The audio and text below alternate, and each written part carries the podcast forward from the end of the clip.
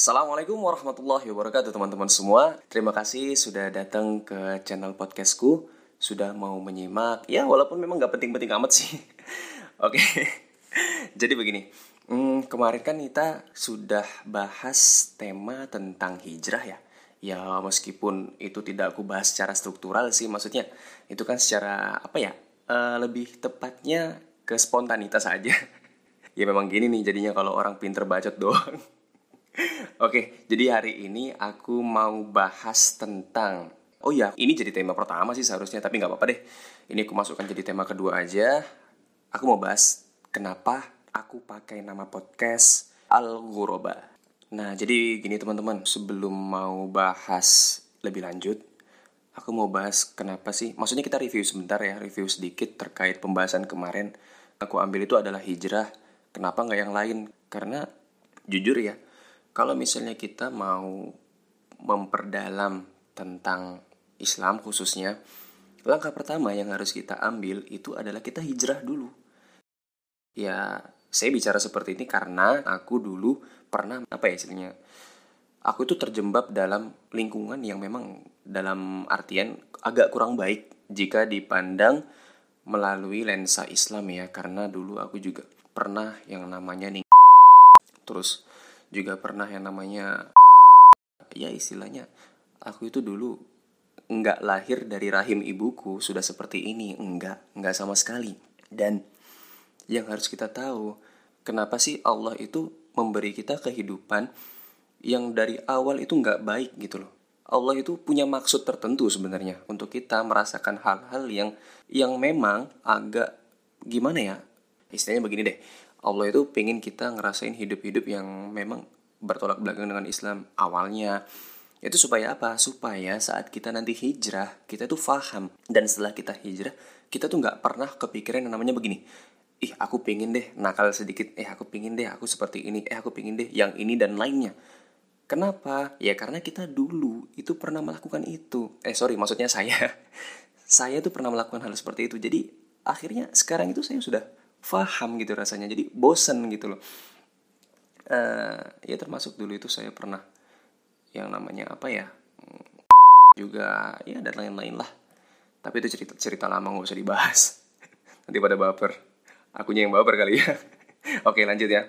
Uh, jadi hmm, kenapa sih sekarang ini aku jadi mau terjun ke dunia seperti ini ya dunia yang dikatakan sebagai apa ya kalau orang-orang lain tuh istilahnya bahasa keren itu dakwah. Wis keren banget.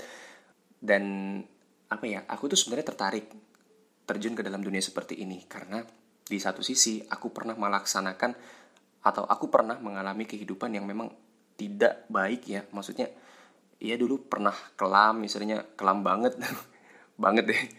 Dan sekarang itu apa sih gantinya supaya aku itu bisa menutupi kesalahanku yang lama? Atau bagaimana caranya aku menghapus dosa-dosaku yang telah lalu? Dan yang paling penting, aku itu nggak mau kejahilan-kejahilan yang pernah aku lakukan dulu itu terjadi kepada teman-temanku sekarang. Aku nggak pernah mau dan aku nggak bakal ridho jika itu terjadi.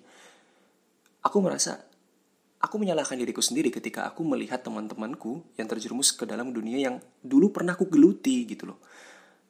Astagfirullah. Jadi aku itu melihat aku itu ada untuk mereka, tapi secara realita, secara langsung aku itu tidak bermanfaat untuk mereka. Aku tidak bisa menjadi seseorang yang dapat memandu mereka. Maksudnya dapat menggiring mereka ke jalan yang lebih baik gitu loh.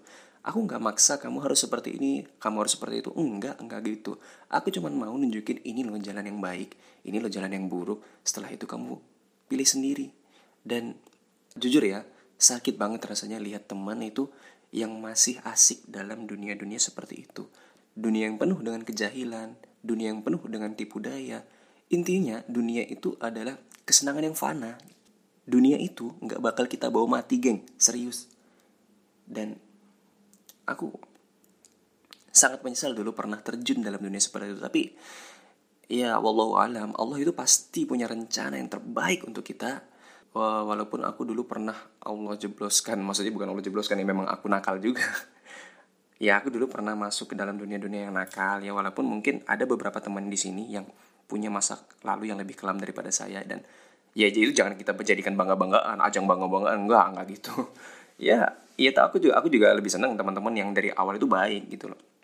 Itu karena faktor keluarga faktor lingkungan dan ya faktor anak itu sendiri sih faktor internal dari pribadi itu tadi oke okay, uh, eh, jadi aku mulai tertarik sharing seperti ini tuh karena ya ketika kita jadi gini nih aku mau ngambil satu satu hal ya yang yang saya jadikan patokan. Kenapa aku bisa istiqomah dalam sharing seperti ini? Karena ketika kita menyampaikan sebuah kebaikan kepada orang lain dan orang lain itu memahami penyampaian kita dan orang itu menerapkan dalam kehidupan sehari-harinya setiap kali mereka melakukan hal-hal yang mereka dapati dari kita itu tadi dalam hal positif ya dalam hal positif maka mereka juga akan mendapatkan kebaikan dan kita akan mendapatkan kebaikan yang sama dari teman yang melakukan kebaikan itu yang informasinya itu datang dari lisan kita.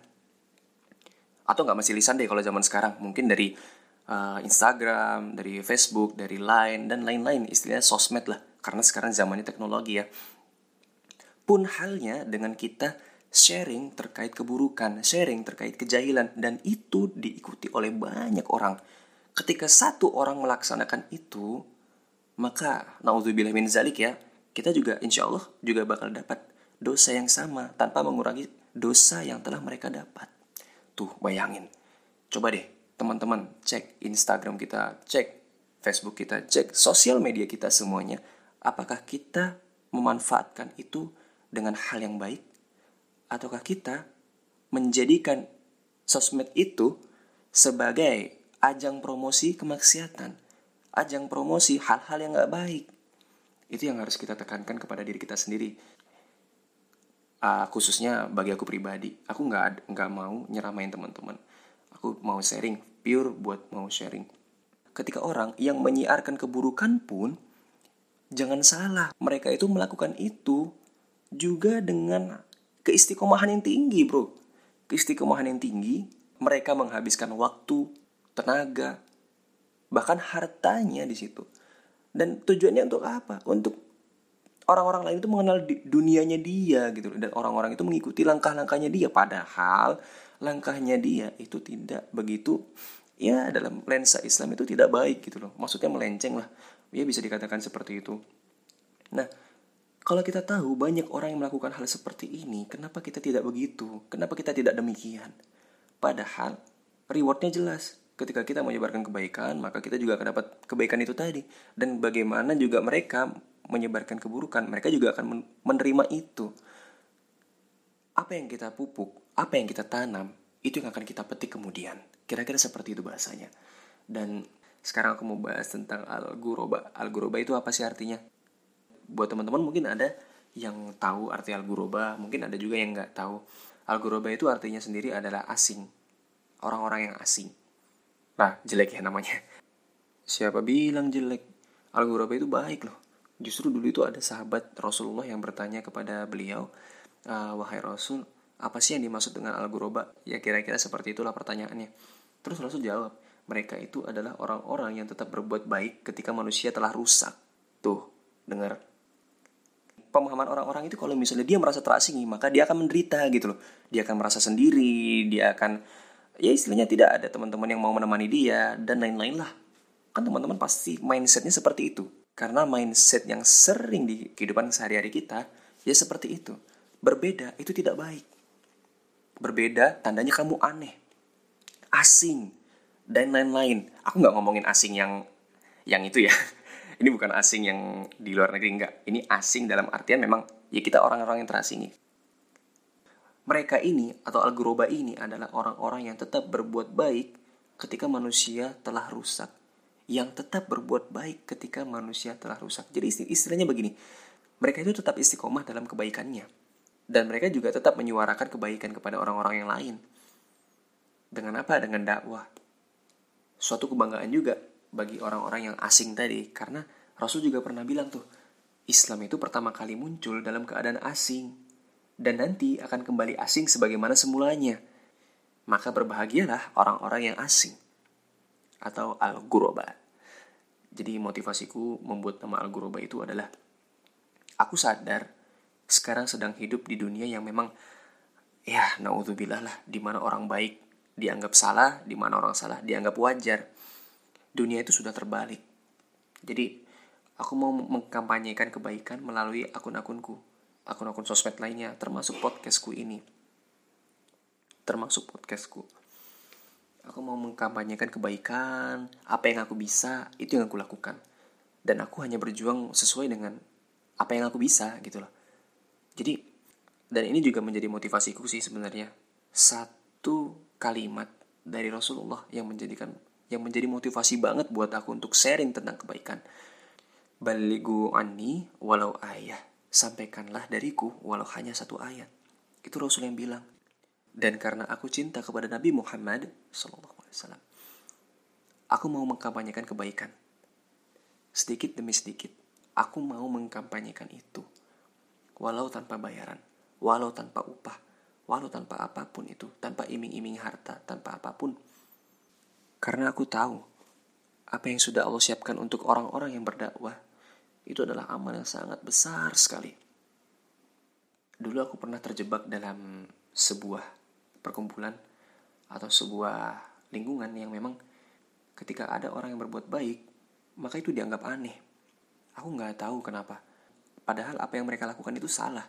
Tapi mereka merasa bahwa apa yang mereka lakukan itu suatu hal yang wajar gitu. Hal-hal yang memang bisa diterima oleh masyarakat. Padahal secara pemikiran atau secara sadar kita paham betul bahwa apa yang mereka kampanyekan, apa yang mereka lakukan, dan apa yang mereka tampakkan kepada masyarakat di sekitar itu adalah perbuatan-perbuatan yang salah. Tapi kenapa? Kenapa hal seperti itu dapat diterima oleh masyarakat? Kan pertanyaan seperti itu. Dan aku pernah tercebur dalam zona seperti itu. Terus banyak tuh pertanyaan dari teman-teman. Uh, kamu emang nggak apa-apa berbeda dari yang lain? Ya nggak apa-apa dong. Jadi kita tuh nggak usah minder karena berbeda. Karena kita tuh jangan mau jadi orang yang biasa aja. Kalau mau berharga dan bernilai maka kita tuh harus jadi berbeda. Atau istilahnya kita punya mindset bahwa diri kita itu adalah limited edition edisi terbatas yang berarti nggak banyak orang-orang yang seperti ini itu yang harus kita tanamkan dalam diri kita Terus gimana dong cara nyikapi teman-teman yang suka ngebully orang-orang yang jadi baik atau ngebully orang-orang yang mengkampanyekan kebaikan? Ya kamu bodoh amat aja. Jadi nggak usah dipikirin. Bodoh amat deh pokoknya. Nggak perlu kamu pikirin kata-kata mereka karena kata-kata mereka itu cepat atau lambat akan berlalu gitu. Sedangkan apa yang kamu upayakan saat ini itu akan berbuah manis pada akhirnya. Jadikan aja kata-kata yang sifatnya memang mengejek, kata-kata yang menjatuhkan, bahkan sampai mencaci, ya kita positif thinking aja. Mungkin begitulah cara Allah untuk menambah amal kita. Memang kita sudah beramal sebanyak apa sih? Bisa jadi amal yang kita lakukan itu hangus karena keangkuhan kita di dunia. Karena kecerobohan kita melakukan maksiat dengan kesadaran kita. Ya, kita positif thinking. Allah itu memberikan kebaikan kepada kita dengan cara yang tidak kita sangka-sangka. Ya jadi begitu sih. Kenapa sih aku mau pakai nama Al Guroba? Hmm, mungkin seperti itu aja yang bisa aku sampaikan di podcast kali ini. Kalau ada baiknya kebaikan itu hanya datang dari Allah. Dan jika ada satu hal atau beberapa hal yang memang tidak enak di hati teman-teman semua aku minta tolong untuk dimaafkan ya karena ya manusia itu nggak sempurna gitu loh karena kebaikan itu datangnya dari Allah dan keburukan itu datangnya hanya dari saya bukan dari setan yang kayak kemarin aku ngomongin Aduh, kita yang salah malah nyalain setan. Astagfirullah. Ya, baik, mungkin itu saja. Uh, aku minta doa dari teman-teman semua. Semoga aku istiqomah. Dan aku juga minta nih, minta tolong teman-teman yang sudah nyimak podcastku. Mungkin bisa dong sharing beberapa hal yang kurang dari podcastku. Entah itu kurang menarik, entah itu kurang kontennya atau bagaimana. Monggo di share aja nggak apa-apa. Nanti di tag Instagram bisa, terus di DM juga bisa. Nggak apa-apa karena apa? Karena pesan-pesan dari pembaca atau para pendengar itu sangat berguna untukku. Untuk lebih baik ke depannya. Itu juga bisa aku jadikan pertimbangan juga tuh. Bahkan mungkin teman-teman ketika ada yang mau nge-request materi atau seperti apa, ya mungkin juga bisa di-share tuh ke aku juga. Dan sewaktu-waktu mungkin aku bisa bahas tema yang teman-teman saranin untukku. Oke sekian. uh, akhirul kalam wabillahi taufiq walhidayah. Wassalamualaikum warahmatullahi wabarakatuh.